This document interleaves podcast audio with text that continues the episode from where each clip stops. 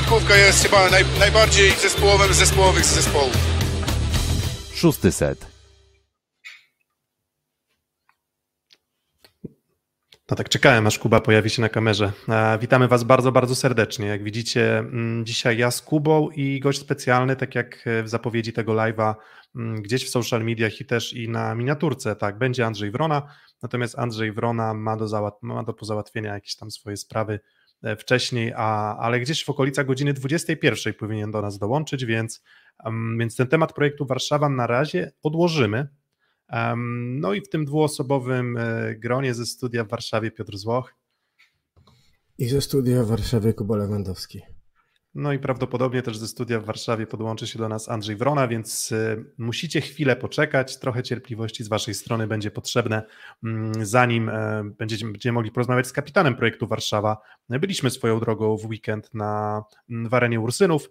Mm, obejrzeliśmy zwycięstwo 3 do 1 projektu Warszawa nad Indykpolem AZS-em Olsztyn. Zwycięstwo względnie łatwe, ale tak jak mówiłem, to jeszcze jest temat jakiś tam poboczny. Zanim e, poboczny, to nie jest temat poboczny, to jest temat główny główny, ale na ten moment jeszcze dajcie nam dosłownie mm, chwilę, żebyśmy omówili inne wydarzenia plusligowe. No i w tych innych wydarzeniach plusligowych można powiedzieć, że mm, kluczowe, odpo- znaczy szukaliśmy odpowiedzi na pytanie, w jakiej formie w zasadzie są uczestnicy Pucharu Polski. W następny weekend, y, w sobota, niedziela 25 zdaje się i 26 e, lutego, jeżeli się nie pomyliłem. Mm, najpierw dwa mecze półfinałowe, no i w niedzielę ten wielki finał Pucharu Polski w Krakowie. My tam będziemy. Nawiązaliśmy współpracę z Aluronem CMC Wartą Zawiercie, gdzie oni nie będą nam narzucać narracji, e, ale jest to jakby treść, którą my będziemy się dzielić jakby niejako we współpracy z, z klubem. Dzięki klubowi właśnie z Zawiercia będziemy mogli też tam wejść. Kuba i Filip będą w Krakowie i oni z tej hali jakieś tam materiały będą przygotowywać. No ale dobra, do rzeczy. Trevor Gdańsk kontra Luron CMC Warta Zawiercie to był taki chyba najciekawszy mecz z tych drużyn, które będą występować w finale Pucharu Polski. No i Aluron CMC Warta Zawiercie jako chyba druga drużyna w tym sezonie wywozi, wywozi trzy punkty z Ergo Areny. Um, Kuba, zaskoczony, nie zaskoczony, no bo chyba jednak szykowaliśmy się na tiebreaka, a złamany chyba Tref Gdańsk po drugim secie, po trzecim secie?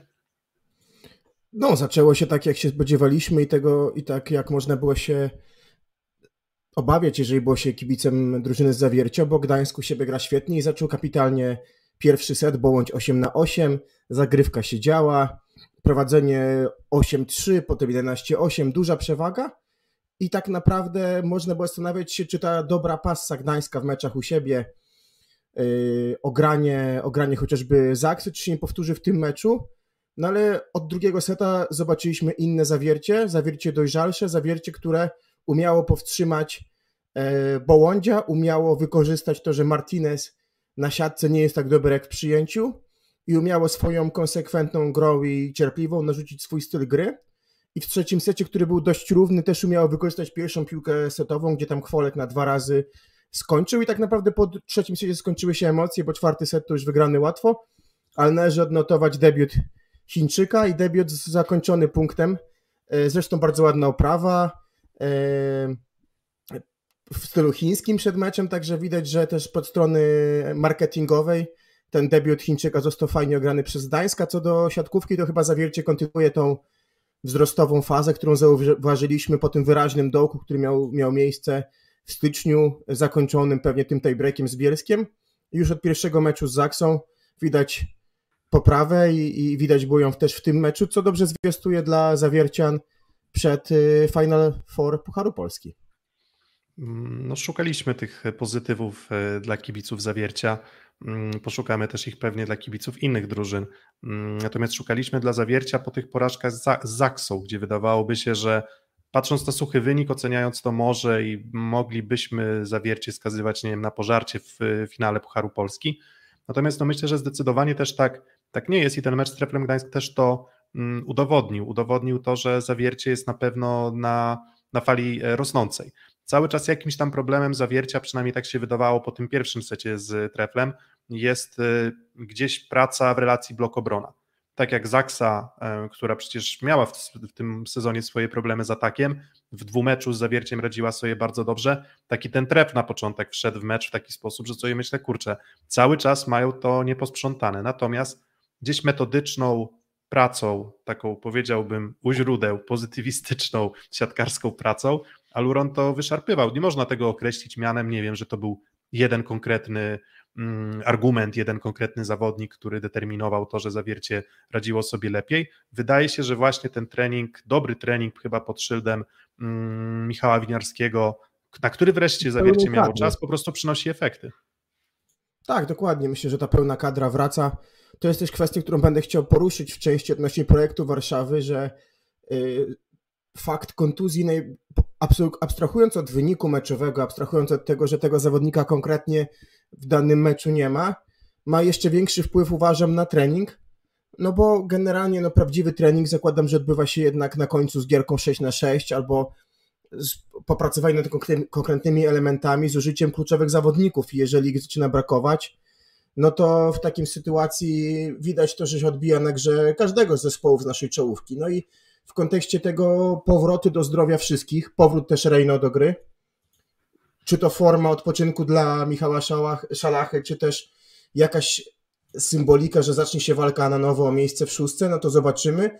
Natomiast fakt, że wszyscy są zdrowi w zawierciu, na pewno końcówkę sezonu powinien budować i powoduje, że myślę, że mogą patrzeć z optymizmem na Final Four, bo bardzo będzie mi ciężko wskazać wyraźnego faworyta przed tym turniejem, do czego pewnie przejdziemy sobie na przestrzeni tygodnia w naszych nagraniach, ale y, to cieszy z mojej perspektywy, bo, bo zwiastuje się chyba najrówniejszy turniej od lat. No, oczywiście tutaj się zgodzę z tym, ale o Pucharze Polski jeszcze będziemy rozmawiać, więc na razie tego, tego tematu mm, myślę, że nie ma co ruszać, tych materiałów, gdzieś tam zapowiedzi nagrań, myślę, że jeszcze będzie, mm, będzie kilka z naszej strony, gdzie postaramy się tak już naprawdę bardzo rzetelnie omówić atuty i wady też drużyn na, i w tym sezonie i na dystansie pewnie ostatniego miesiąca, czy tam ostatnich kilku, mm, kilku tygodni. W Treflu Gdańsk, no Trefl Gdańsk wydaje się być kurczę jednak taką drużyną, która wykorzystuje 110% swojego potencjału, tak bym to określił i nie wiem, czy w Gdańsku jest dużo więcej zapasu. Nie wiem, kto jeszcze miałby tam dorzucić dużo więcej od siebie. Mm, I, I, trochę tak jest, że w tym sezonie wieszczymy już od jakiegoś czasu, że tam może ten tref już przestanie grać na miarę swoich możliwości. Um, albo może tref zjedzie z odrobinę z formą. Na razie to raczej są pojedyncze mecze, w których nie radzą sobie dobrze, no ale jednak już takiego lania, żeby tak dostać powiedzmy tam ilu tam do, do parunastu e, w jednym z setów zawierciem, to, to już dawno tego nie, E, nie pamiętam. No i zobaczymy. Może to już jest ten moment, w którym Trefl Gdańsk korzystał z tego, że te drużyny były troszeczkę pod formą, mówię tutaj o czołówce. Mm, natomiast też spoglądając po prostu na, na wyniki spotkań z czołową czwórką, no to jednak raczej Trefl przegrywa. Z wyjątkiem tego meczu z Zaksą, to u siebie zresowiał po bardzo fajnym boju, ale jednak porażka. Mm, na wyjazdach e, porażki, w finale Pucharu Polski porażka.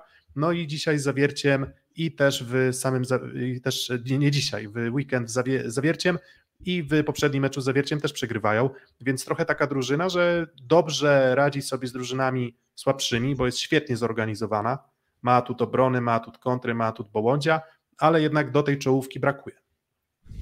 No tak, i, i w tym kontekście jest pytanie, czy drużyny będą z czołówki spoglądać na to, z kim mogą zagrać. Bo wydaje się, że z perspektywy właśnie drużyn z top 4. Trefl może być rywalem o, o, tyle wygodnym, że jest znany, znane są jego atuty i, i tak to był zespół, który na przestrzeni rundy grał bardzo dobrze i właśnie pytanie, czy ten, te pole progresu w Gdańsku jest bardzo duże. Zwróć uwagę, że w tym meczu solidnie Sawicki, jeżeli chodzi o atak, jeżeli chodzi o liczby, solidnie Bołądź, ale brakuje tego, tego drugiego, czyli Martineza, czy trzeciego tak naprawdę skrzydłowego. No i, myślę, no i brakuje też... No właśnie. Mhm. Nie, no właśnie chciałem powiedzieć, że, że trochę, trochę wyprzedziłeś moją myśl, bo chciałem powiedzieć, że no właśnie ze środkowymi też jest tak, że raczej są uzupełnieniem ataku. To nie tak, jest, nie wiem, dajmy na to, nie wiem, jak w Indyk Polu, AZS-ie, nie wiem, Taylor Every, który oczywiście tak, nie może się złapać z pająkiem, o czym może też jeszcze chwilę porozmawiamy i widać też było w tym meczu w niedzielę mm, przeciwko projektowi Warszawa.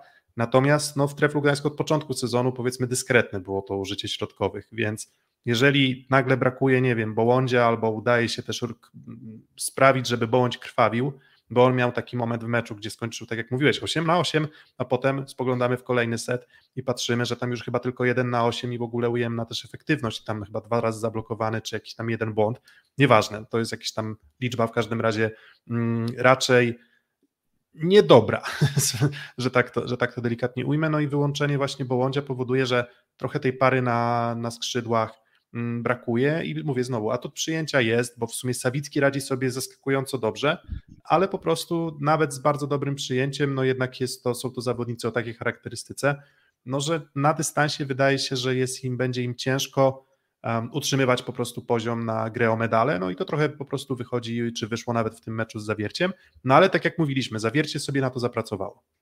Zdecydowanie.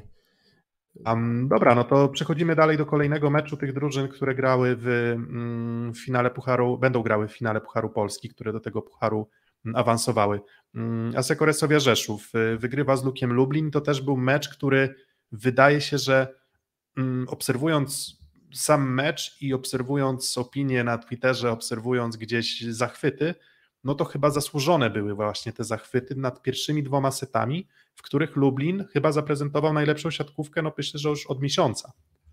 No tak i co było cechą charakterystyczną świetnej gry Lublina po miesiącu? Znowu atakujący. Znowu atakujący, który odgrywał bardzo ważną rolę, tylko tym razem to nie był Szymon Rąbać, a to był Mateusz Malinowski, który po długiej, długiej przerwie wrócił do wyjściowego składu i zagrał mecz fenomenalny albo bardzo, bardzo dobry.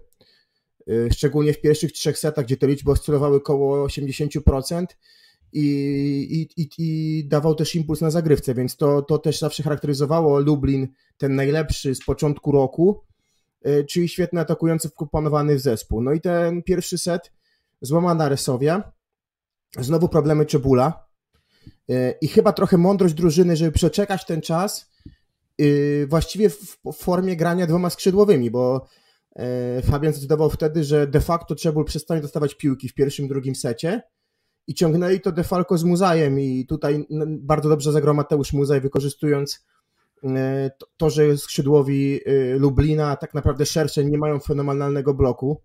Akurat, akurat, sorry, Maciej Muzaj, także wiem, bo wiem, że to ja oczywiście głupia, głupia pomyłka. akurat Mateuszem go chrzciłeś. A, tak, A... Muzaj oczywiście i wykorzystując że, że fakt, że, że Niko Szerszeń tego bloku fenomenalnego nie ma, bardzo dobrze punktował. No i to plus bardzo dobra gra Pawła Zatorskiego pozwoliła doprowadzić Resowi do równej końcówki. Tam pewne zamieszanie z challenge'em, kamera wyłączyła się na moment, ale finalnie właśnie z użyciem Czebula te ostatnie dwie piłki Resowia skończyła i było jeden do jednego i wtedy trochę już poszło, poszło z górki. Natomiast my zastanawialiśmy się na początku meczu, prawda, Piotrek, czy klasycznie ciężka siłownia?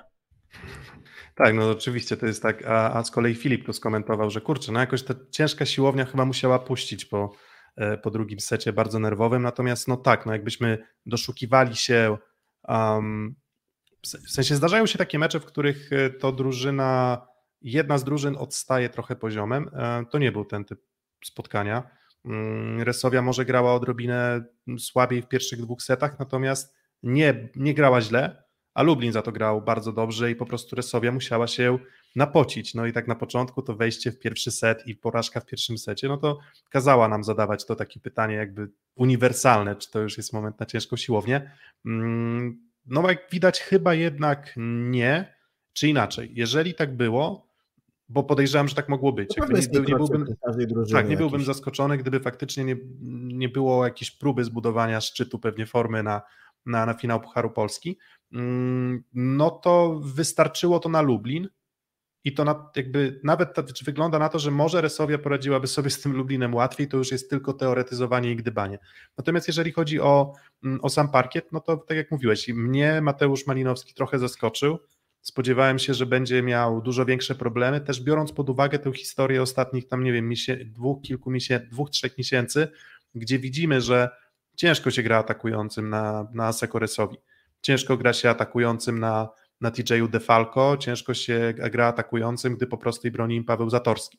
I to są wszystko jakieś tam problemy, z którymi się musiał, muszą atakujący borykać, a Malinowski mm, poradził sobie mm, po prostu, po prostu fantastycznie.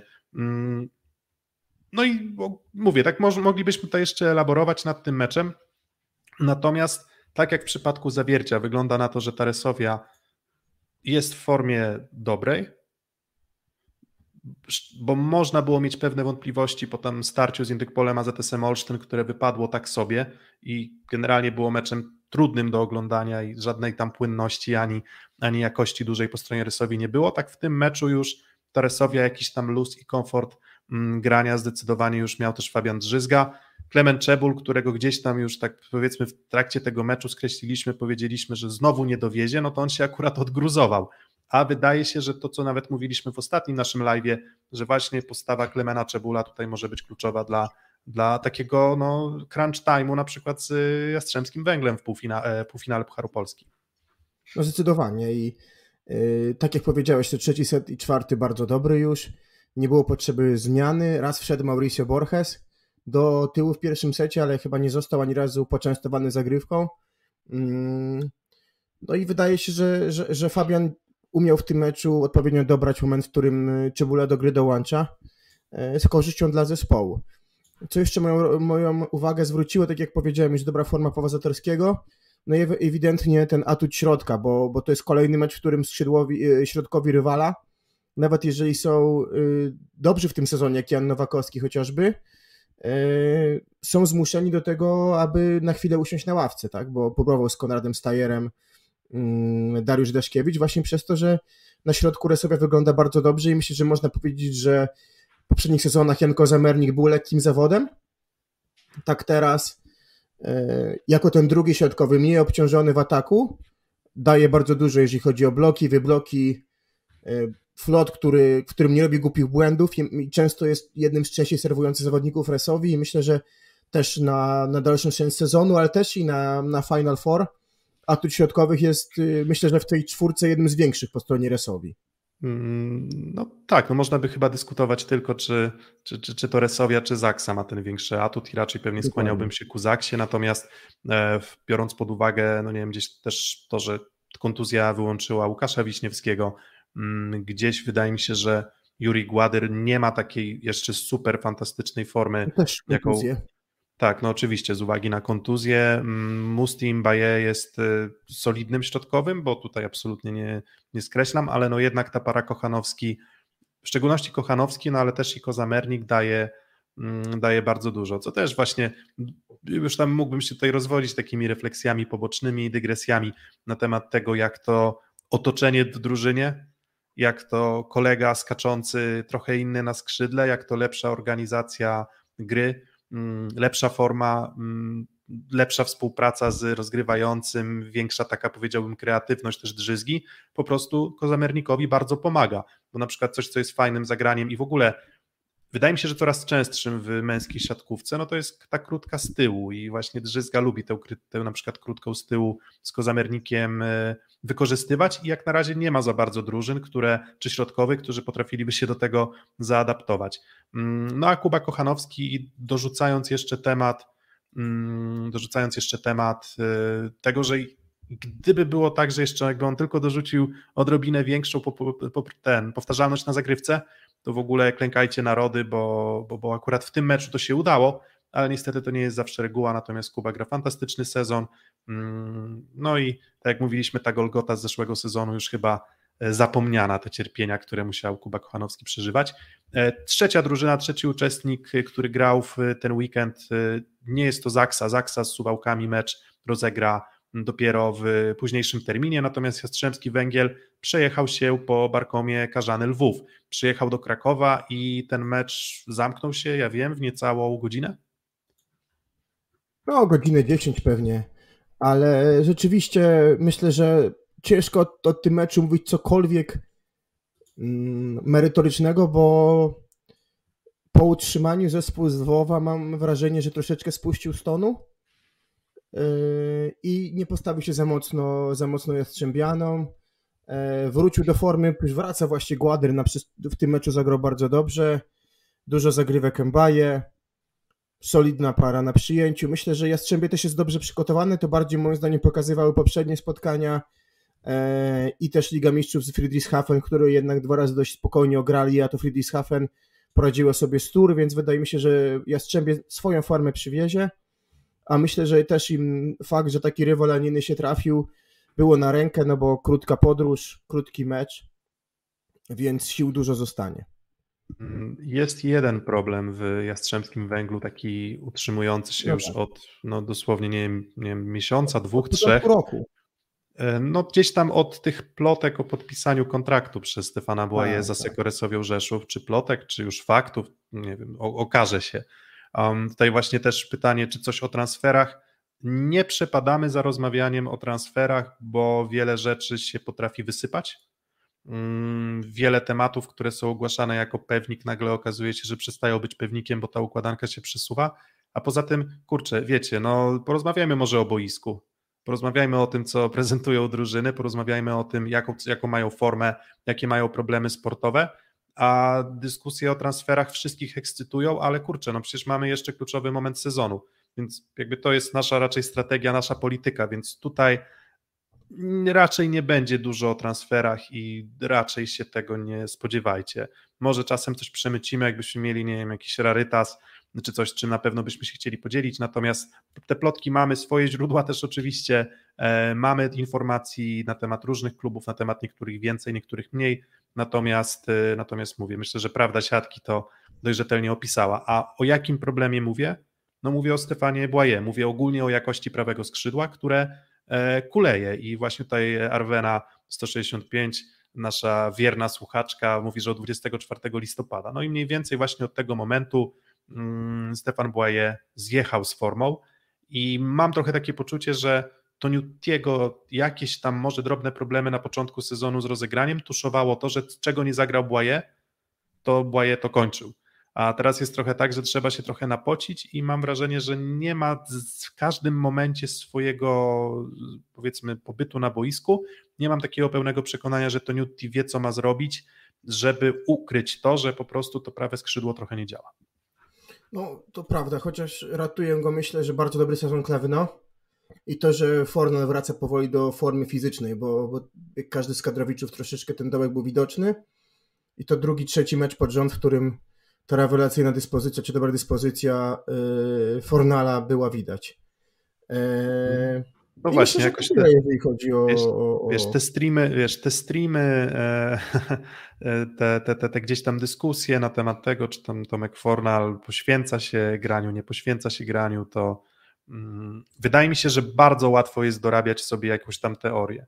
Na zasadzie, no on się trochę wystawia na strzał e, tymi streamami, można tam się, nie wiem, zgadzać, nie zgadzać z podejściem do, do, do, do, części, do części tematów, Natomiast czasem po prostu są to rzeczy zupełnie niezależne od siebie. Jakby to, że on po prostu to, że on streamuje, mm, myślę, że po prostu może się czasem przypadkowo zbiec z jego słabszą formą albo słabszą formą drużyny i, i dorabianie do tego ideologii. W sensie, jak widać, że dalej streamuje, a teraz nagle zaczął grać dużo lepiej. No to jakby ciężko tutaj się doszukiwać, że akurat tak. to może być Mm, to może być jakiś konkretny problem. Mm, no i tak, o Zaksie, tak jak mówiliśmy, w zasadzie najwięcej powiedziały mecze z zawierciem, które pokazywały raczej, że Zaksa jest przygotowana dobrze. Mm, no i jest jedna drużyna, która wydaje się, że w tym momencie ja byłbym gotów zaryzykować tezę, że jest drużyną numer jeden lub numer dwa w lidze, no i jest to projekt Warszawa. Po ostatnim live było sporo komentarzy od Was, że zabrakło Wam tego tematu. No bo tak, no bo w zasadzie tego tematu nie, nie musnęliśmy. Natomiast no, projekt Warszawa pod wodzą trenera Grabana, który zastąpił Roberto Santiliego, zaraz pokażemy, e, pokażemy grafikę, prezentuje się po prostu fantastycznie. No i tak próbowaliśmy doszukiwać się, co w zasadzie decyduje o tym, że ten projekt Warszawa gra dużo lepiej. No i tutaj przykuwają uwagę chyba rubryki dwie, czyli skuteczność ataku i efektywność ataku. No i o to na pewno też Andrzeja Wronę zapytamy. No ale Przyjęcie wcale nie wygląda dużo lepiej. Jeżeli chodzi o punktowe zagrywki, wcale nie wyglądają dużo lepiej. Lepsza organizacja gry, natomiast właśnie skuteczność ataku. No to co, efekt Firleja? Yy, Oskar Kaczmarczyk lubi mówić, prawda, o tym, że ta, znaczy inaczej, że to jest taka siatkówka brutalna, męska, gdzie głównie liczy się side-out.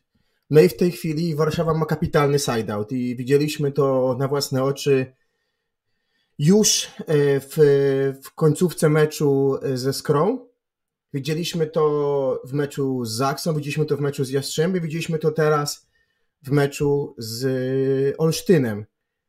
I Tilly, i Szalpuk praktycznie w ogóle nie mylą się. Grają na skuteczności, efektywności powyżej 50%. Do tego dochodzi czujący się kapitalnie w tej chwili zastępujący Andrzeja Jakub Kowalczyk, zresztą MVP tego meczu niedzielnego, no i, i Piotrek Nowakowski. Co do tego dochodzi jeszcze? Mam wrażenie, że linia przyjęcia, jeżeli chodzi o przyjęcie w Warszawie, po pierwsze jest stabilna, po drugie przyjmuje piłki, nawet jeżeli one nie są e, dograne pod siatkę, to, to jest bardziej trzeci metr niż szósty. Nawet jeżeli to mhm. nie są przyjęcia perfekcyjne, to to pozytywne przyjęcie to jest trzeci, szósty, trzeci czwarty metr, a nie szósty. A wiemy od Janka z rozmów z nim, że on najbardziej lubi piłki, im bliżej siatki, tym lepiej.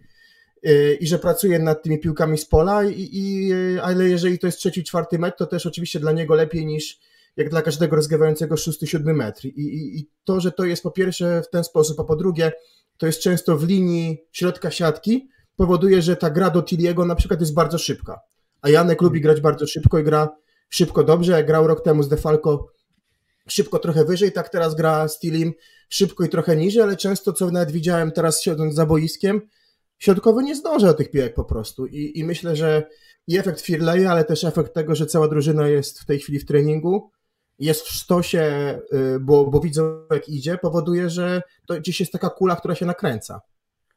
Mm, właśnie a propos a propos Janka Fileja i jego jakości gry z pola. O, jest Andrzej Wrona akurat, chyba już się dołącza.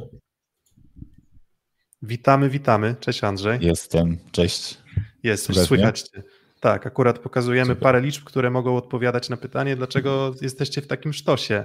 Um, I właśnie, jakbyś ty miał odpowiedzieć na pytanie, co powoduje, że właśnie za Piotrka Grabana po prostu jesteście w takim sztosie, jeżeli chodzi o side-out i atak efekt Firleja, Janka, czy wszystko w zasadzie, bez wyjątków? Wiesz co, no myślę, że wszystko po trochu. To jest porównanie trenerów, jeżeli chodzi, jeżeli chodzi o side-out. Muszę zerknąć te liczby, bo nie widziałem ich. Eee, no to ciekawe, co mamy gorsze przyjęcie? Tak, ale bardzo nieznacznie, więc to w zasadzie myślę, że pomija, pomijalna, pomijalna liczba. Natomiast ja wiesz, to też o czym Kuba no. mówił Lewandowski, że, że, że i tak myślę, że dużo więcej jest tam do 3-3,5 metra, nawet jak to nie jest powiedzmy pozytywne czy perfekcyjne przyjęcie, to komfort A to chyba są, większy. To są, to są z plus ligi statystyki, tak? Czy, tak, to są, czy to są jakieś tam? Tak, Spoko. E... spotkań, Praktycznie podobno Dobra, bo tak, poczek poczekajcie, poczekajcie, bo tak mnie zaatakowaliście. W ogóle dzięki za zaproszenie, od tego zacznijmy. e... A teraz co się zmieniło? Myślę, że wiele rzeczy się zmieniło. Wiadomo jakby skąd to porównanie jest, bo gdyby się trener nie zmienił, to by tego porównania nie było i to jest jakaś podstawa. E... I myślę, że też dzięki temu gdzieś i naszej pracy wspólnej y, ze sztabem została wypracowana jakaś taka pewność siebie, e, która oczywiście też rosła razem z kolejnymi zwycięstwami, no bo, bo ta seria chyba 12 tak na 13 mamy e, meczów wygranych pod, pod trenerem Grabanem i i na pewno wszystko po trochu, no zgranie, świetni atakujący na piłkach wysokich, tudzież z, z przyjęcia na trzeci metr, czyli chyba jeden z lepszych w tej chwili atakujących e, na, na lewym Artur Szalpuk, jeżeli chodzi o trudne piłki. E, Kevin Tilly, który teoretycznie jest e, defensywnym, przyjmującym też świetnie sobie radzi na tych wysokich piłkach i bardzo szybko gra właśnie z Jankiem Firleyem. Dobre wybory Janka Firleya, myślę, że też nieoczywiste wybory. Często, gdy ma piłkę na trzecim metrze, często gra pipem. Mm, myślę, że Linus Weber też trochę się nauczył naszej ligi i okrzepł, bo na początku no to myślę, że zderzył się trochę ze ścianą, jeżeli chodzi o poziom naszej ligi, bo mimo tego, że był w lidze włoskiej, która oczywiście jest bardzo mocna, no to jednak e, był w drużynie, która nie walczy zazwyczaj o jakieś wysokie cele, tylko ma za zadanie utrzymać się i grają sobie na luzie. I trochę inaczej się wtedy gra, a, a tutaj jednak były jakieś wymagania, plus ma za plecami Nilsa Klapwajka, który jest y, świetnym atakującym i który myślę, że mógłby grać spokojnie w większości drużyn e, jako podstawowy atakujący, a tutaj jest jego rezerwowym, więc, więc to też jest jakaś tam presja. E, no ale myślę, że taka swoboda pracy się zmieniła e, swoboda, jeżeli chodzi o głowę, bo oczywiście pracujemy bardzo ciężko, ale, ale gdzieś tam myślę, że to wzajemne zaufanie sztabu trenera Grabana i, i, zawodników do trenera, którego wcześniej nie było, za trenera Santiliego, sprawiło, że, że wszyscy dużo lepiej pracują i dużo lepiej się czują na meczach. I, i to widać nawet właśnie w trudnych sytuacjach, bo oczywiście jak jest, jak jest dobrze, jest piłka przyjęta do siatki, no to, no to, jest, to jest dosyć łatwo, ale, ale jak jest piłka gdzieś tam daleko, no to widać jak cała drużyna pracuje na boisku, żeby tę piłkę skończyć. I, i chyba to jest główna różnica. Mm, dużo mówisz o mentalu, dużo mówisz o zaufaniu do trenera. Um, oczywistą chyba rzeczą wydaje się być to, że łatwiej iść na trening i to się tyczy czy treningu, czy to się tyczy pracy sytuacji, w której atmosfera jest, y, jest fajna y, i firma idzie do przodu, bądź w waszym przypadku drużyna idzie, mm, idzie do przodu, mm, ale czy nastąpiła jakaś duża zmiana w schemacie treningów, w pracy, którą wykonujecie. Nie mówię tutaj o samym nastawieniu mentalnym, ale o tym na przykład na co zwraca uwagę mm, trener Graban, a na przykład nie zwracał Roberto Santilli. Hmm. Ja myślę, że trener Graban bardziej to poukładał wszystko i gdzieś dostosował te klocki, bo ja mam takie wrażenie, że jak, e, jak trenowaliśmy z Roberto, to tak nie do końca wiedzieliśmy jakby co będzie na treningu i, i czasem nie wiedzieliśmy do końca po co coś robimy, mm, po co jakieś ćwiczenie robimy, jaki ma cel dane ćwiczenie, a u Piotrka, e, u trenera Grabana e, jest tak, że, że jakby jest jakiś taki rytm tego tygodnia i, i wiemy jakby mniej więcej co kiedy będzie i wiemy po co dany segment jest, dlaczego akurat jest danego dnia. Kiedy mamy ciężką siłownię, to trenujemy mniej, jeżeli chodzi objętościowo, skoki, więcej gdzieś tam technicznie, przyjmujący, blokujący jakby oddzielnie, przyjmujący oddzielnie, rozgrywający oddzielnie, więcej jest takich jakby wyizolowanych elementów na początku tygodnia, kiedy mamy ciężkie siłownie, a potem im bliżej meczu, tym więcej jest szóstek, więcej jakichś takich e, fragmentów, e, które wiemy jakby po co są, już są stricte dostosowane też do taktyki. Mm, u trenera Santiliego taktykę mm, mieliśmy jakby na wideo dzień przed meczem, ale nawet czasami na początku kartek nie dostawaliśmy z tą taktyką, co, z czym się spotkałem pierwszy raz w życiu, że nie mogliśmy sobie wziąć tych kartek jakby dzień przed meczem, żeby sobie je przeanalizować, tylko dostawaliśmy je na przykład w dniu meczu rano a u trenera Grabana już czasami dwa dni czy trzy dni przed meczem już wiemy, jak któryś atakujący będzie atakował i pod to trenujemy też blok, trenujemy jakieś schematy rozegrania. E, no i wszystko, mam takie wrażenie, że wszystko jest po coś na treningach i, i rozumiemy jakby po co coś robimy i czujemy we wszystkim sens i plus potem widać to na, na meczu, więc jak się tak pracuje i jeszcze się do tego wygrywa, no to, no to to jest jak kula śnieżna, tak? W sensie to się nakręca samo i no i my to teraz jakby obserwujemy u siebie w drużynie i wiadomo, że jest super atmosfera, są zwycięstwa i, i, i chłopaki świetnie też wyglądają na boisku. E, fajnie się to ogląda z boku, no bo jak gdzieś tam przez ostatni miesiąc miałem okazję to obserwować, więc bardziej jako kibic, że tak powiem, z kwadratu, bo mówię jako kibic, bo nie, nie mogłem nawet wejść na, boisku, teraz, na boisko, teraz już, teraz już jestem zdrowy i, i będę mógł pomóc, ale jakby nie ma co ruszać tej układanki, bo ona świetnie funkcjonuje. A mówisz jako kibica, trochę było widać w tym kapitalnym materiale na podsłuchu, że trochę jako drugi trener, bo bardzo ciekawe uwagi przekazywałeś i mówiłeś o tym przygotowaniu do meczu. Rozumiem, że w kontekście akurat Zaksy specjalnie zwracałeś uwagę na, na Staszewskiego, no bo był pewnie w gameplanie przewidziany Bednosz, ale często takie uwagi widać u ciebie, czy to w kadrze, jak jeszcze grałeś, czy, czy, czy byłeś w zespole, czy, czy w projekcie.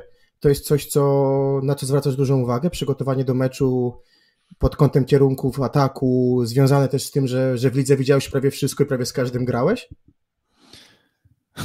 Wiesz co, no, ja, ja traktuję siatkówkę trochę jak takie szachy e, i dla mnie to są szachy i to są szachy środkowych z rozgrywającymi w dużej mierze. I ja uważam, że o ile na każdej innej pozycji to taktykę chłopaki oczywiście muszą gdzieś tam znać mniej więcej i wiedzieć, co będą blokowali swojemu danemu atakującemu, e, którego mają naprzeciwko siebie, no to o tyle rozgrywający i środkowi muszą wiedzieć wszystko o każdym, w każdym ustawieniu, rozgrywającym to po prostu w nocy o północy muszę wiedzieć jakby co on lubi w danym momencie meczu grać, z danego miejsca na boisku, przy danym wyniku, z danymi zawodnikami, a że tak jak powiedziałeś, już parę lat gram w tej lidze, to też parę rzeczy i parę takich, e, że tak powiem, e, wskazówek mam już zakodowane od, od lat co do niektórych rozgrywających czy do niektórych atakujących.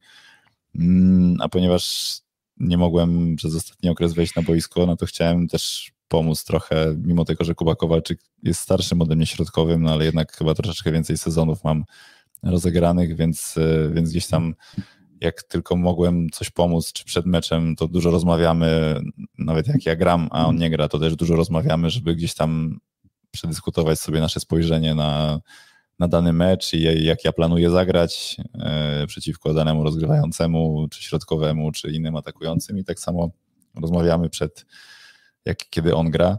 E, i myślę, że tak samo jakby moje oko, które z boku czasami może zobaczy więcej, no bo chłopaki są w meczu, są skupieni i bardziej y, ja mogę zaobserwować jakieś tam rzeczy w trakcie, coś podpowiedzieć też skrzydłowym, jeżeli chodzi o głównie o blok oczywiście, czy w ataku, jak widzę, jak drużyna przeciwna gra w bloku z kolei przeciwko nam. Więc jakby no widzę, widzę dużo takich rzeczy, to jest kwestia po prostu doświadczenia i, i, i też znajomość większości zawodników po przeciwnej stronie. I, I tak jak powiedziałem, to są szachy i czasami gdzieś tam niektóre rzeczy się trafi i się sprawdzą, czasami trzeba je korygować w trakcie meczu, ale to od tego też jest sztab, y, nasz, nasi, nasz statystyk Bartek Kaczmarek, który przekazuje na bieżąco jakby informacje i, i po prostu teraz jak byłem gdzieś poza meczem tak sportowo, no to starałem się pomagać od tej strony taktycznej, a nawet jeżeli jestem na boisku i, i gram, to też staram się przed każdą akcją przypominać o pewnych sytuacjach naszym skrzydłowym, e, czy, czy po prostu decydować o jakichś opcjach bloku na podstawie swojej wiedzy, ale też w dużej mierze jakiegoś może czucia tej sytuacji na boisku i przewidywania tego, co się może wydarzyć. Czasami trafię, czasami nie, bo to jest siatkówka, e, ale za każdym razem, jak się udaje trafić, no to jest to duża satysfakcja, bo bo wtedy, wtedy widzi cała drużyna też, że dobrze zapracowaliśmy w bloku czy w obronie, mimo że sytuacja u przeciwnika na przykład była bardzo komfortowa. Mm, a postawa Kuby Kowalczyka Kropas, Kropasa cię odrobinkę niepokoi w kontekście powrotu do, do wyjściowej siódemki, czy, czy, czy jest, jest super, jest, jest kozacko, że, że radzi sobie tak dobrze, jak sobie radzi? No bo radzi sobie naprawdę no chyba przekracza wszelkie oczekiwania, bo to, że jest y, dobrym siatkarzem, to, to wiadomo, ale mimo wszystko gra chyba nawet jeszcze lepiej niż, niż spodziewałbyś się, nie wiem, może nawet on sam. E, myślę, z Kropkiem bardzo kumplujemy i myślę, że to tylko przekracza oczekiwania jakby ludzi, którzy go oglądają na meczach, bo no ja już jestem z nim w jednej drużynie od 7 lat. Kuba jest w Warszawie rok dłużej ode mnie, jest 8 lat tutaj. E, przeszedł chyba wszystkie szczeble ligowe w Polsce i ciężko sobie wypracował i wywalczył to, żeby się znaleźć w Plus Lidze i, i ja się cieszę, ja już jestem za stary, żeby, nie wiem, żeby komuś zazdrościć tego, że gra, ja już też sporo w życiu e, pograłem i też każdy kiedyś musi dostać jakąś szansę, niektórzy dostają wcześniej, inni później. Ja z Kubą grałem po przekątnej jakby w pierwszym składzie e, w moim pierwszym sezonie w Warszawie, czyli właśnie 7 lat temu, jeszcze za Pawła Zagumnego i też wtedy już grał świetnie. Potem oczywiście jakieś tam transfery i różne ruchy klubu sprawiły, że, e, że był bardziej rezerwowym. Teraz, teraz gra i ja jako kapitan zespołu i też jako bardzo dobry kumpel Kuby, e, z którym, z którym też spędzam dużo czasu poza meczami. E, bardzo mu kibicuję, jest świetnym człowiekiem i, i, trzymam za niego kciuki i ja przede wszystkim się cieszę z postawy zespołu i z wygranych zespołu i ja nie muszę być na tym boisku. E, jeżeli będziemy wygrywali i grali tak jak gramy do końca, to mogę być na ławce i do finału tej, tej ligi i będę się tak samo cieszył, jeżeli zdobędziemy złoty medal, czy będzie grał na boisku Kuba Kowalczyk, czy, czy ktokolwiek inny, czy ja tam będę, a, a jeżeli tak będzie, że nie będzie potrzeby, żebym wszedł aż do końca, no to, to, to, to super, bo to będzie znaczyło, że wygrywamy i, i dalej, jest, dalej jest świetnie. Ale czuć po tobie, prawda, że jesteś bardziej związany z Warszawą czy z projektem niż z drużynami do tej pory. A jedna rzecz odnośnie, bo chciałem zapytać, gdzie jest wasz sufit? Jestem, jestem z Warszawy. No ja wiem, wiem, ale gdzie jest wasz sufit? Bo jedna rzecz się zgadza, bo zawsze jak wchodziłeś do finału, to był Francuz w drużynie. I teraz też jest. No rzeczywiście. Nie pomyślałem tak o tym. Albo, albo na ławce. No na albo na ławce, tak, no ale w drużynie. Na mistrzostwach, tak na mistrzostwach Świata był, był Stefan, prawda? No, no jest to ciekawe. E, jest to ciekawe. I Filip. E, jest to rzeczywiście ciekawe, no bo tak, był Chatów, e, no to był, był Stefan, tak? I jeszcze Samuel tu ja. No czekaj, a jak byliśmy w finale z Częstochową, to nie było Francuza. A, okej, okay, dobra. Ale no ja tam byłem czwartym środkowym i mogłeś w ogóle nie, nie pamiętać, że ja tam byłem. Ale, ale rzeczywiście, no to oprócz tej Częstochowy, no to, to za każdym razem, bo i tutaj był Antek Blizzard i w Bełchatowie, i w Bełchatowie był Stefan i, i w kadrze też Stefan. No dobrze, no to to dobry omen, to dobry omen, skoro mamy Kevina, e, który jeszcze dodatkowo jest w wyśmienitej formie i, i myślę, że pokazuje że naprawdę jest jednym z lepszych tych defensywnych przyjmujących, a, a wcale nie jest tak do końca defensywnym, bo, bo w ofensywie też jest ważnym ogniwem u nas. E, przy jego zagrywce mamy chyba jeden z lepszych e, breakpointów, jeżeli chodzi o ustawienie, kiedy on jest na zagrywce. Mm, to jest, no wiesz to co, myślę, to drugie lidze po Smithie w Zaksie. Możliwe, a macie nie, taką nie, macie, macie, macie nagranie, że, że ze Smithem jest najlepszy BP chyba. Możliwe, rzeczywiście. Znaczy, no, to, to, to, tylko wiesz, wydaje mi się, że też u Smitha wynika to w dużej mierze jakby z jego mocnej zagrywki, gdzieś tam i takiej kierunkowej. U Kevina ta zagrywka jest nieobliczalna, w sensie on z tego samego podrzutu gra i flota, i taką hybrydę, i mocną zagrywkę, która leci, taki laser po prostu, którego no, ciężko jest w ogóle czasami trafić w piłkę. E, więc e, no i plus dokłada w obronie, tak? On jest drugim libero na boisku mm, i, i to jest olbrzymia wartość, jeżeli chodzi o grę defensywną. Jeszcze taki jeden element mi się nasuwa, czyli to, że tam trochę katuje atakujących rywala też, bo, bo ostatnie kilka spotkań to też faktycznie przykleja się mu do ręki w zasadzie non-stop. Natomiast wiadomo, że to środkowy zamyka też kierunek, więc on po prostu korzysta z dobrej pracy środkowych, wiadomo. No zamyka, Ale... zamyka, zamyka albo nie zamyka, bo te spektakularne bloki na kaczmarku, chociażby w meczu z Zaksą, to w dużej mierze były pojedyncze bloki, e, chyba dwa nawet takie. E, nie no, Kevin ma, Kevin ma coś takiego, co ma bardzo mało zawodników, e, taką czutkę nie wiem, czy można tak powiedzieć, taką czutkę tego sportu i, i feeling jakby, gdzie, gdzie się piłka pojawi, czy to w obronie, czy w przyjęciu, czy, czy w bloku właśnie i on, i on po prostu przeczuwa, gdzie, gdzie, gdzie dany zawodnik zaatakuje i dlatego tak świetnie gra w obronie, czy, czy w bloku. Mm, rozmawialiśmy z Łukaszem Kaczmarkiem i on powiedział coś bardzo podobnego na temat tego, co jest tam atutem Zaksy na bloku. W sensie, jak to się dzieje, że w zasadzie no, w tych klasyfikacjach już od kilku lat bloków punktowych i nie tylko, też wybloków po prostu pracują fantastycznie, no to mówi trochę, że trochę to masz, albo trochę tego nie masz, tak? I że możesz mhm. próbować to trenować, możesz próbować to szkolić, możesz tam, nie wiem, systemowo może jakieś rzeczy wypracowywać, no ale jeżeli chodzi o timing, właśnie czutkę, to, to on powiedział to samo. Partnerem tak, Kevina TV Artur Szalpuk, który jest y, właśnie w sztosie niebywałym, nieprawdopodobnym, w sensie ja też takich, powiedzmy, parametrów statystycznych, jakości, łatwości też kończenia piłek, nawet w tym poprzednim meczu z Olsztynem przypomniała mi się ta akcja, co tam Janek Firlej spod band mm, tak. wyjął piłkę i on po prostu poszedł i, i po prostu, no co, dziewiąty metr i, i co, side out i idziemy dalej.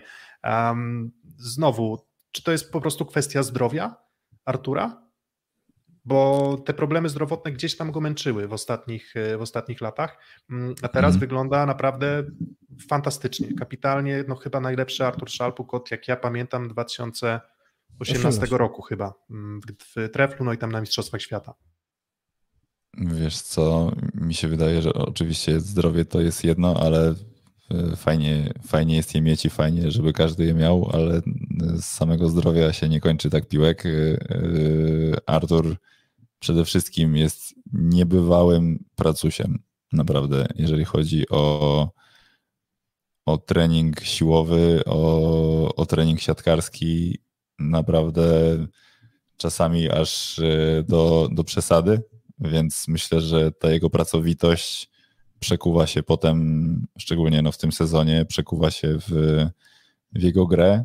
E, myślę też, że właśnie duża pewność siebie, którą gdzieś tam, której nabiera z każdą kolejną przyjętą piłką, bo umówmy się, no Artur zawsze, zawsze gdzieś tam w ofensywie swoje robił, ale, no ale nie zawsze w tym przyjęciu, przynajmniej na przykład za, za trenera Anastaziego, jak był tutaj, jeszcze chyba to była Werwa wtedy, albo, albo już nie, ale chyba Werwa, e, no to, to zazwyczaj schodził po prostu przez to, że, że był dziurą w przyjęciu. Teraz jakby ogrom pracy którą wykonuje, plus y, komfort, który daje mu i Kevin, i, i Mały w przyjęciu, sprawia, że, że on też się pewniej czuje i mimo tego, że zespoły próbują go trafić, to nie mogą go ustrzelić na zagrywce.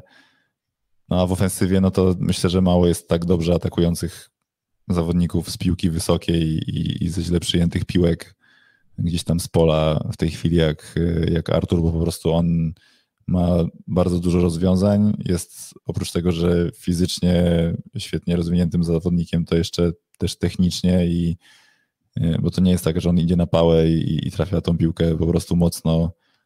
Nie chcę powiedzieć, że nie chcę go porównywać do Linusa Webera, który według mnie właśnie trochę bardziej bazuje na mocy, a mniej na technice, a, a Artur oprócz tego jeszcze kieruje tę piłkę tam, gdzie chce i, i atakuje ją wysoko po kierunkach jest świetny w bloku, właśnie ma też świetne to wyczucie w bloku i bardzo często blokuje jeden na jeden, szczególnie było to widać w meczu z Jastrzębiem, gdzie tam Bułaje miał bardzo ciężką przeprawę z nim, bo on świetnie go wyblokowywał, czy też blokował.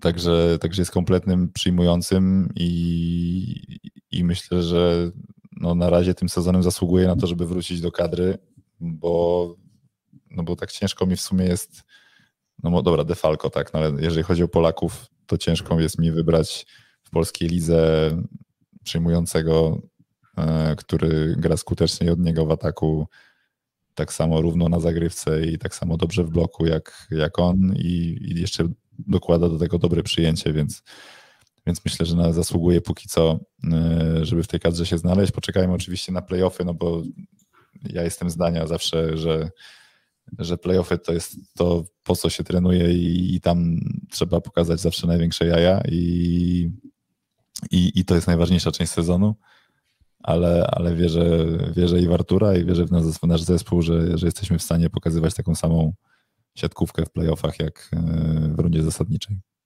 Patrzycie w tabelę powoli? No bo właściwie pięć kolejek do końca playoff jest pewny, mówmy się w waszym przypadku. No, I matematycznie jeszcze chyba nie jest. No, teoretycznie wiesz co, to 11 wiesz co, wiesz co mi, ten, mi te wszystkie sezony poprzednie, gdzie tam czasami brakowało nam, nie wiem, seta czy punktu, e, żeby wejść do playoffów, czy tam wyjść, nie wiem, do Ligi Mistrzów. Ale wtedy graliście inaczej, nie? Rok temu. Graliśmy, no tak, ale jednak wiesz, dopóki nie będziemy mieli matematycznie potwierdzonych tych playoffów, to ja się tak yy, cieszę bardzo delikatnie. E, a, a odetchniemy na pewno, jak te playoffy już będą na 100%. E, patrzymy w tabelę, jasne, że patrzymy. E, jakbyśmy, jakby, znaczy myślę, że nie patrzyliśmy za bardzo, jak byliśmy bardzo nisko, bo powiedzieliśmy sobie, że nie mamy co patrzeć w tabelę i się dołować, tylko musimy zacząć trenować i grać dobrze. Jak będziemy grali dobrze, to będziemy wygrywać. Jak będziemy wygrywać, to gdzieś tam się będziemy piąć w tej tabeli w górę ale jak już wskoczyliśmy na jakiś tam poziom w tej tabeli i, i bijemy się o tę ósemkę z kilkoma zespołami, no to, to patrzymy w tabelę i też śledzimy oczywiście inne zespoły, jak tam punktują.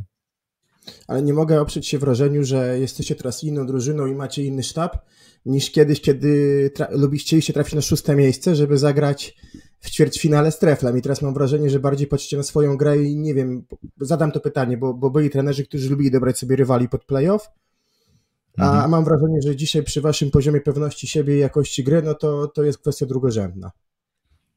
No pijesz pewnie do tego sezonu z Andreą, kiedy wywalczyliśmy brązowy medal i specjalnie trafiliśmy na Gdańsk? Na Gdańsk chyba w ćwierćfinale, tak? tak? Gdańsk, tak, tak, tak, tak. No i wiesz, no oczywiście niektórzy to pamiętają teraz, że tak było, ale ja pamiętam to tak, że gdzieś tutaj wisi mój brązowy medal z tamtego sezonu, e, który wywalczyliśmy i jakby to jest najważniejsze, czy byśmy Nie, go wywalczyli. Gdybyśmy, gdybyśmy, tak gdybyśmy jasne, no, gdybyśmy trafili w, pier- w ćwierćfinale, nie wiem, no, na Zaksę wtedy czy coś, no pewnie byłoby dużo ciężej, ale skoro była taka opcja, żeby sobie ułatwić tę drogę, no to, to koniec końców jakby, no i Andrea jest takim trenerem, który, który powiedział, że sam jakby, e, sam e, korzystał wcześniej, czy to w kadrach, z takich możliwości.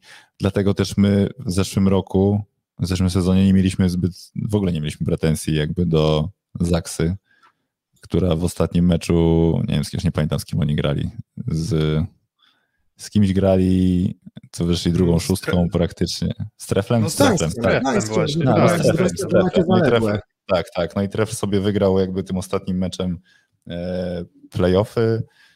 My, my tym ostatnim meczem przegraliśmy, no i jakby my wiedzieliśmy przed tym meczem, że to się tak potoczy. Znaczy, Andrea też był pewien i mówi, że on nie ma prawa mieć nawet cienia pretensji do Gdańska czy do Winiara wtedy, tak, no, znaczy do Winiara, do trenera Kretu, e, bo, bo on sam by tak zrobił po prostu, żeby grać, e, żeby nie wiem, żeby chłopaki odpoczęli, żeby grać łatwiejszy może playoff. E, Skończyło się tak, że Zaksa zdobyła Mistrzostwo Polski, więc jakby wyszło na, na ich, że to była dobra decyzja i dobra taktyka. Nikt nie pamięta o tym i nikogo nie obchodzi to, że Warszawy nie było w tych playoffach, tak, oprócz nas oczywiście, więc e, więc czy teraz myślę, że teraz też nie mamy za bardzo takich opcji, żeby sobie wybierać, bo no jak się spojrzy w tabelę, to mamy małe szanse bardzo, żeby wskoczyć wyżej yy, niż 4-5. Mamy szansę oczywiście, żeby spaść na, nie wiem, 6-7, ale to się może też wiązać z tym, z tym że spadniemy i na 8-9 i nie wiem, czy jest sens ryzykować. Więc, yy, więc myślę, że po prostu gramy i cieszymy się z tego, że wygrywamy, cieszymy się z naszej dyspozycji i, i zobaczymy, czy wylądujemy na czwartym miejscu yy, w tych playoffach, czy na siódmym, szóstym, jakby nie będzie to miało większego znaczenia. Myślę, że jeżeli będziemy w takiej dyspozycji, jak jesteśmy teraz, to jesteśmy w stanie powalczyć z każdą z tych czterech drużyn, które są w tej chwili w pierwszej czwórce. Mm, Takie właśnie pytanie z czatu, troszeczkę z innej bajki, a może trochę związane z tym, jak dobrze tam będzie Wam szło, no bo im więcej spotkań, tym większa szansa na nabicie punktów. Karol Kłos 3000. Z tego, co pokazywały statystyki na stronie Plus Ligi, tobie brakuje 200, jeszcze dwie- 204 punkty brakują do 3000 i pytanie ze strony Arweny 165 na czacie, czy da Pan radę? Może, może ten, dodajmy moje punkty i Kuby Kowalczyka i będziemy się tak ścigać z Karolem. Eee, Nie no, w tym roku to chyba już nie da rady. Nie wiem, ile tych meczów możemy rozegrać, ale to ja musiałbym być atakującym pewnie, i żeby móc przez playoffy i przez ostatnie pięć meczów mieć okazję, żeby, nie wiem, strzelić po 30 punktów w każdym meczu i e, znaczy jeszcze mam kontrakt na jeden rok, Znaczy, więc... Wiesz co, więc czekaj, no bo tak policzmy. Pięć spotkań w No, zasadniczej, i z 12 potem, play, może potem być. playoffiki. Dobra, no to playoffiki róbmy to- może być rób- 5-5-5, no to tak wiesz, rób- 20, 20 spotkań jeszcze możecie Słuchaj, no róbmy, róbmy takie, taka klasyka środkowego, w sensie dobry mecz środkowego, czyli 10 punktów, tak? Bo tutaj, nie wiem, trzy bloki i 7 atakiem powiedzmy, nie? No to, to jest dobry mecz. Czyli ile, mamy, ile tych meczów możemy mieć? 5, to jest 50 i potem Pięć e, ćwierćfinał, 5, pięć 5, półfinał. 5, czyli, czyli No, 20, więc 20 może, meczów po, może. po 10 punktów, no to zabraknie czterech. Ja myślę, że jeszcze, jeszcze się nie wybieram na emeryturę, mam kontrakt na przyszły rok, więc, więc może mi się uda w, w tym i w przyszłym sezonie, e, jeżeli będę grał oczywiście w szóstce, to, to może jakieś tam punkty się uda dorzucić. A czy ty w ogóle przy, przywiązujesz wagę do, to są dla ciebie jakieś takie symboliczne rzeczy, które mają znaczenie, czy to jest tylko i wyłącznie fun fact, który ma większe znaczenie dla kibiców i obserwatorów i dla ligi, która może się tym w social mediach pochwalić?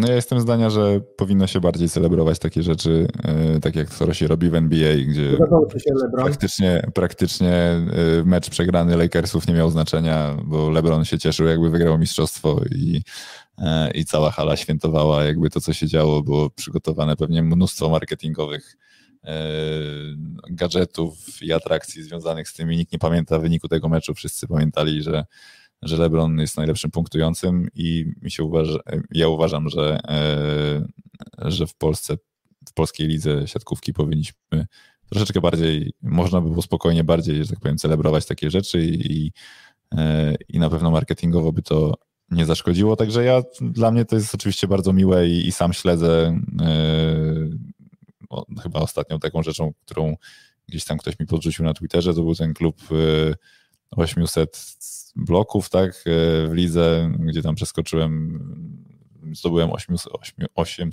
800, Jezus, jak się mówi, e, blok. Nie wiem, 800. 800, dobra, 800, 800 blok, e, więc, więc to było na pewno fajne, fajne uczucie i tym bardziej, że gdzieś tam jak się wejdzie w te rankingi, no to, to tam przeskoczyłem paru, paru zawodników, których przez wiele lat oglądałem w telewizji, także, e, także fajnie ja śledzę takie rzeczy i uważam, że powinno, powinny one być bardziej, że tak powiem, wynoszone na, na pierwszy plan. Spodobała mi się jedna myśl z Twittera a propos właśnie tego rekordu LeBrona Jamesa, że na pobicie rekordów Mariusza Wlazłego możemy poczekać tak właśnie, ile by trzeba było poczekać, aż tego Karima Abdullah-Jabara trzeba było łyknąć i to naprawdę 20 lat takiego grania w zasadzie od deski do deski, wszystkiego i to najlepiej jeszcze wygrywać, no i jeszcze awansować w kolejnych fazach. Dokładnie, awansować w kolejnych fazach playoffów, nie ruszać się za granicę, więc ciekaw jestem, ile, ile jeszcze te rekordy Mariusza Blazłego mm, pożyją. Um, Myślę, że ciężko, ciężko będzie utrzymać też yy, takiego zawodnika w Polsce, tak? Bo, bo pamiętajmy, że Mariusz to tylko jego decyzja, że nigdy nie wyjechał, bo miał pewnie co roku multum propozycji, a, a tak sobie wymyślił, że został w Bełchatowie czy, czy w Gdańsku i, i tylko dla, znaczy nie tylko dlatego, no ale w dużej mierze dlatego jest e, aż tak zdecydowanym rekordzistą. No, gdyby, gdyby gdzieś tam wyjeżdżał i jeździł po świecie, to, to pewnie tych rekordów by nie było. I rzeczywiście wydaje mi się, że będzie bardzo ciężko, bardzo ciężko je pobić. Mm, no to chyba już tak powolutku zmierzając ku końcowi. Mm, weekend, finał Pucharu Polski. Was tam Właśnie nie ma. Zazdroszczę, a... zazdroszczę wam. Mnie, mnie, tam nie będzie, a wy będziecie. Z tego co słyszałem. Gratulacje. Tak, będziemy, udało nam się, tak, oknem nas nie chcieli, to inaczej. Dobrze, oknem nas tak wyrzucają, trzeba. drzwiami wracamy, albo tak, drzwiami nas tak wyrzucają, tak a my oknem. Dokładnie. Słuchajcie, tak, tak trzeba, tak się, wiecie, tak potem będziecie to wspominać, jak będziecie pracowali gdzieś tam, nie wiem, jaki jest wasz sufit oczywiście, jaki sobie wymyśliliście, ale kiedyś powiecie, że a właśnie, że nie chcieli nas, to wchodziliśmy oknami i jesteśmy Dokładnie. tu, gdzie jesteśmy, więc super, gratulacje. Kiedyś, kiedyś będziemy na tyle już duzi, że już nikt nam nie będzie odmawiał akredytacji, prawda? E, A Natomiast... odmawia akredytacji? A, może. Pomidor. A to ciekawe. A... Nie, no powiedzcie, mnie to bardzo ciekawi. Kto wam odmawia akredytacji? I, no... dlaczego, I dlaczego przede wszystkim? No musielibyśmy się dowiedzieć. No tam pewnie dobra, jesteśmy w łańcuchu, łańcuchu pokarmowym jesteśmy pewnie dalej. Nie, no dobra, um, powiedz, powiedzcie mi kto to może Nie no, w sensie finał... Nie no, no, na spokojnie, to tam nie, nie, nie, nie, nie, nie będziemy się żalić, bo to zupełnie nie o to chodzi, jakby też no, ale ja, to, to, to nie jest tak, że wy, sami, że wy sami z siebie się żalicie, tylko ja się pytam, kto wam odmówił akredytacji? Słucham. A no, złożyliśmy wnioski o akredytację na Puchar Polski i zostały odrzucone z uwagi na liczne wnioski a, ze strony wielu redakcji a, sportowych w Polsce. Według no, ale jest odpowiedzi na, na finał Ligi Mistrzów byliśmy normalnie akredytowani na finał Ligi Mistrzów, także no, nas trochę to zaskoczyło. Ale na finał Ligi Mistrzów akredytuje CEF, tak? A na, no tak. a na tutaj to Plus Liga. Dokładnie. Mm, więc mówię, no nie chcielibyśmy za bardzo wchodzić w ten temat, bo tak jak mówiliśmy, jak, jak, jak drzwiami wyrzucają, czy to, to my jakoś tam wejdziemy, jak widać. Jeszcze będą, jeszcze będą chcieli, żebyście robili podcasty o Plus Lidze, zobaczycie. Dokładnie, więc mamy nadzieję, że jakoś tam no, będzie, będzie żarło. Natomiast wracając na tematy sportowe, e, no to to jest takie pytanie, które zawsze, w sensie nie jest takie łatwe wcale do odpowiedzenia, bo ty też pewnie kolegów, znajomych, przyjaciół masz w każdym z czterech klubów, e, ale kto według Ciebie jest na ten moment z tych czterech uczestników finału Pucharu Polski w najlepszej formie i byłby dla Ciebie faworytem mm, zmagań? Mm, wiecie co, ja, my ostatnio gdzieś tam rozmawialiśmy o tym mm, w tutaj moim nowym, nowym programie YouTube'owym. W konkurencji. Nie, e, nie no, wy robicie merytoryczny podcast, a ja robię wygłupy przed kamerami. E, I, I ja to tak rozłożyłem chyba na czynniki pierwsze, że moim zdaniem wygra ktoś, i w dużej mierze takie było nasze zdanie, że, że wygra ktoś z pierwszej pary. Już abstrahując od tego, kogo lubię albo kto jest w dobrej formie, bo, bo ja uważam, że formuła Pucharu Polski jest, y, jest zła i niesprawiedliwa. No i, i rozegranie przez, jedne, przez dwie drużyny meczu o 14, tak, a przez kolejne o, nie wiem, 18, czy nie wiem, o której oni grają, 18, 18. 17, o 18, no i potem finał znowu o 14.45 następnego dnia, to jest jakby bardzo duża różnica czasu, jeżeli chodzi o regenerację, o przygotowanie, o wszystko tak naprawdę, bo bo sam wiem jakby ile, ile czasu zajmuje potem dojście do siebie po, po, po jakimś ciężkim meczu, który pewnie będzie naładowany mocno e, emocjami i, i, zawsze to są wyjątkowe spotkania, więc potem ciężko zasnąć i tak dalej, i tak dalej. W każdym razie, bo się rozwinąłem, uważam, że wygra ktoś z pierwszej pary, a pierwsza para to jest Zaksa Zawiercie, tak? Zawiercie. Zaksa Zawiercie. Eee, to jest y, jeszcze, jeszcze tydzień temu, czy nie wiem kiedy to nagrywaliśmy ten program, tydzień temu yy, uważałem, że wygra Zaksa, ale potem się okazało, że Łukasz Kaczmarek ma jakiś tam uraz drobny, z którym gra. Yy, I no dobra, no jakby będę, dobra, muszę się trzymać swojego zdania, które wypowiedziałem w internetach i potem wypowiedzą mi, że jestem, że jestem niesłowny, więc niech będzie Zaksa, ale ale, ale uważam, że to nie jest takie. Nie, nie wiem, czy bym postawił swoje pieniądze, raczej chyba bym nie postawił. To jest sprawdziłem szybko, Piotrek. Ostatnie cztery finały wygrywał ktoś z pierwszej pary. Mhm. Ale to, to, ja też na Mistrzostwach Świata miałem takie poczucie, że na ile to miało znaczenie albo nie miało znaczenia tam, kto tam grał no, wcześniej. u nas nie miało w finale niestety. No właśnie, no ale, ale wydaje mi się, że to niestety jest częsty schemat, że, że, że ta, te pierwsze pary jakoś sobie radzą lepiej, potem wy, w tych zmaganiach już bezpośrednio o, o medale. A co do typów... Ale w, finale, to... ale w finale jeszcze, skoro powiedziałeś o finale, to w finale przecież my graliśmy 5 setów, a Włosi grali 3 mhm. tak, ze tak, Słowenią. No to... Tak, tak, tak, to tak. wydaje mi się, że to nawet właśnie w tym kontekście do tego trochę nawiązywałem, że to była kwestia właśnie zmęczenia, na ile to zmęczenie w ogóle mogło wchodzić, nie wchodzić w grę, nie mówiąc o tam też intensywnych poprzednich meczach, które akurat nasza kadra grała, które no, mogły trochę styrać, a, a ta drabinka włoska była, Mm, była jednak zdecydowanie łatwiejsza. A co do typów, no to ja zawsze się śmieję, no, że jak rzucisz w czterech różnych programach cztery typy, no to na któryś trafisz, tak? A, no Więc... dobra, to wygra zawiercie.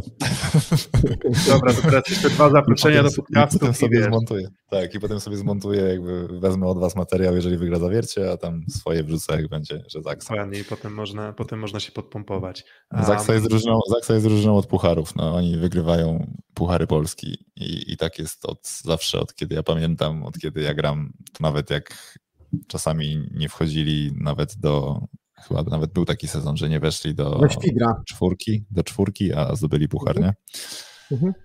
No, a jakieś tam właśnie jakieś tam delikatne rozżalenie, że ten format Pucharu Polski był taki bezwzględny, że, że w sumie nawet nie dostaliście szansy powalczyć w ćwierćfinale?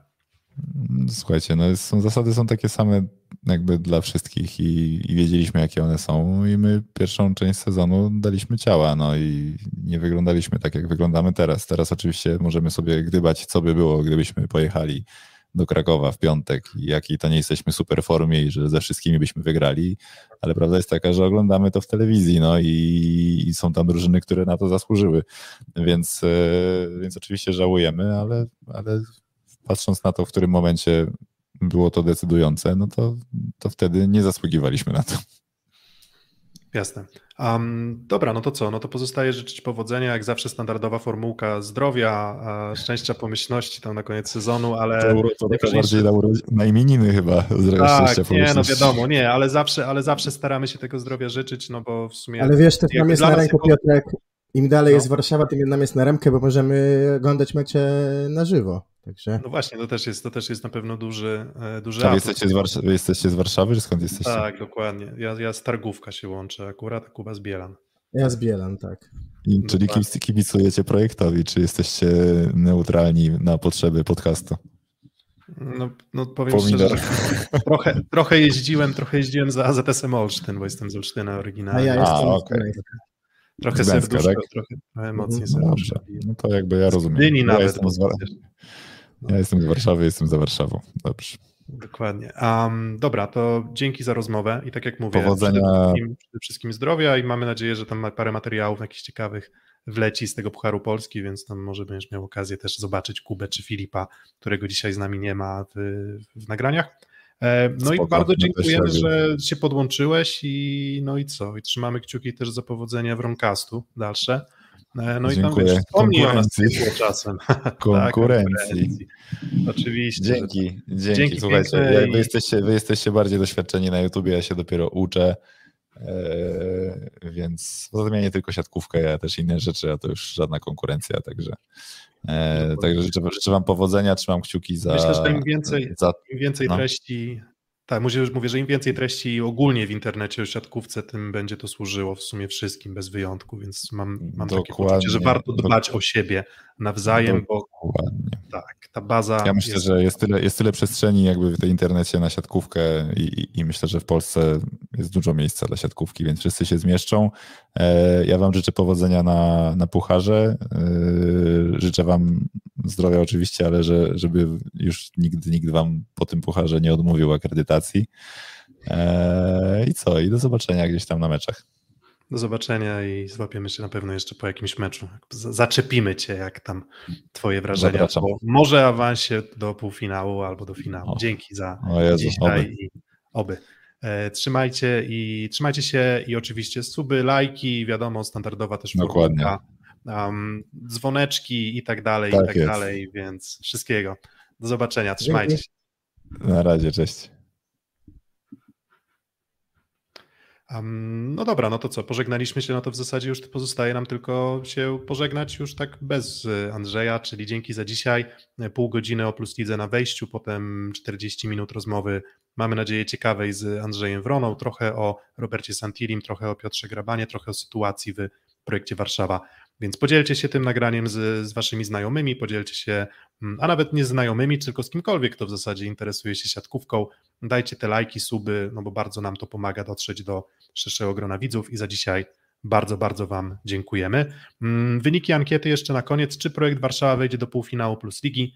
58% na tak, 42% na nie, więc sam jestem ciekaw, jak to pójdzie, no ale z Zaksą to może być naprawdę fantastyczny mm, ćwierćfinał, a jak na razie idzie to trochę w tym kierunku. Dzięki za dzisiaj Dzięki. i do zobaczenia. I tak jak e, gdzieś w social mediach informacja fruwała na Pucharze Polski, Kuba z Filipem na pewno jakieś treści dodatkowe będą mm, wrzucać we współpracy z mm, Aluronem CMC Wartą Zawiercie, natomiast to nie oznacza, że będziemy lukrować tylko Zawierciu, bo my jakby pozostajemy wierni gdzieś swoim ideałom i, i właśnie gdzieś temu em, profesjonalnemu, obiektywnemu podejściu do siatkówki. Dzięki za dzisiaj jeszcze raz i do usłyszenia.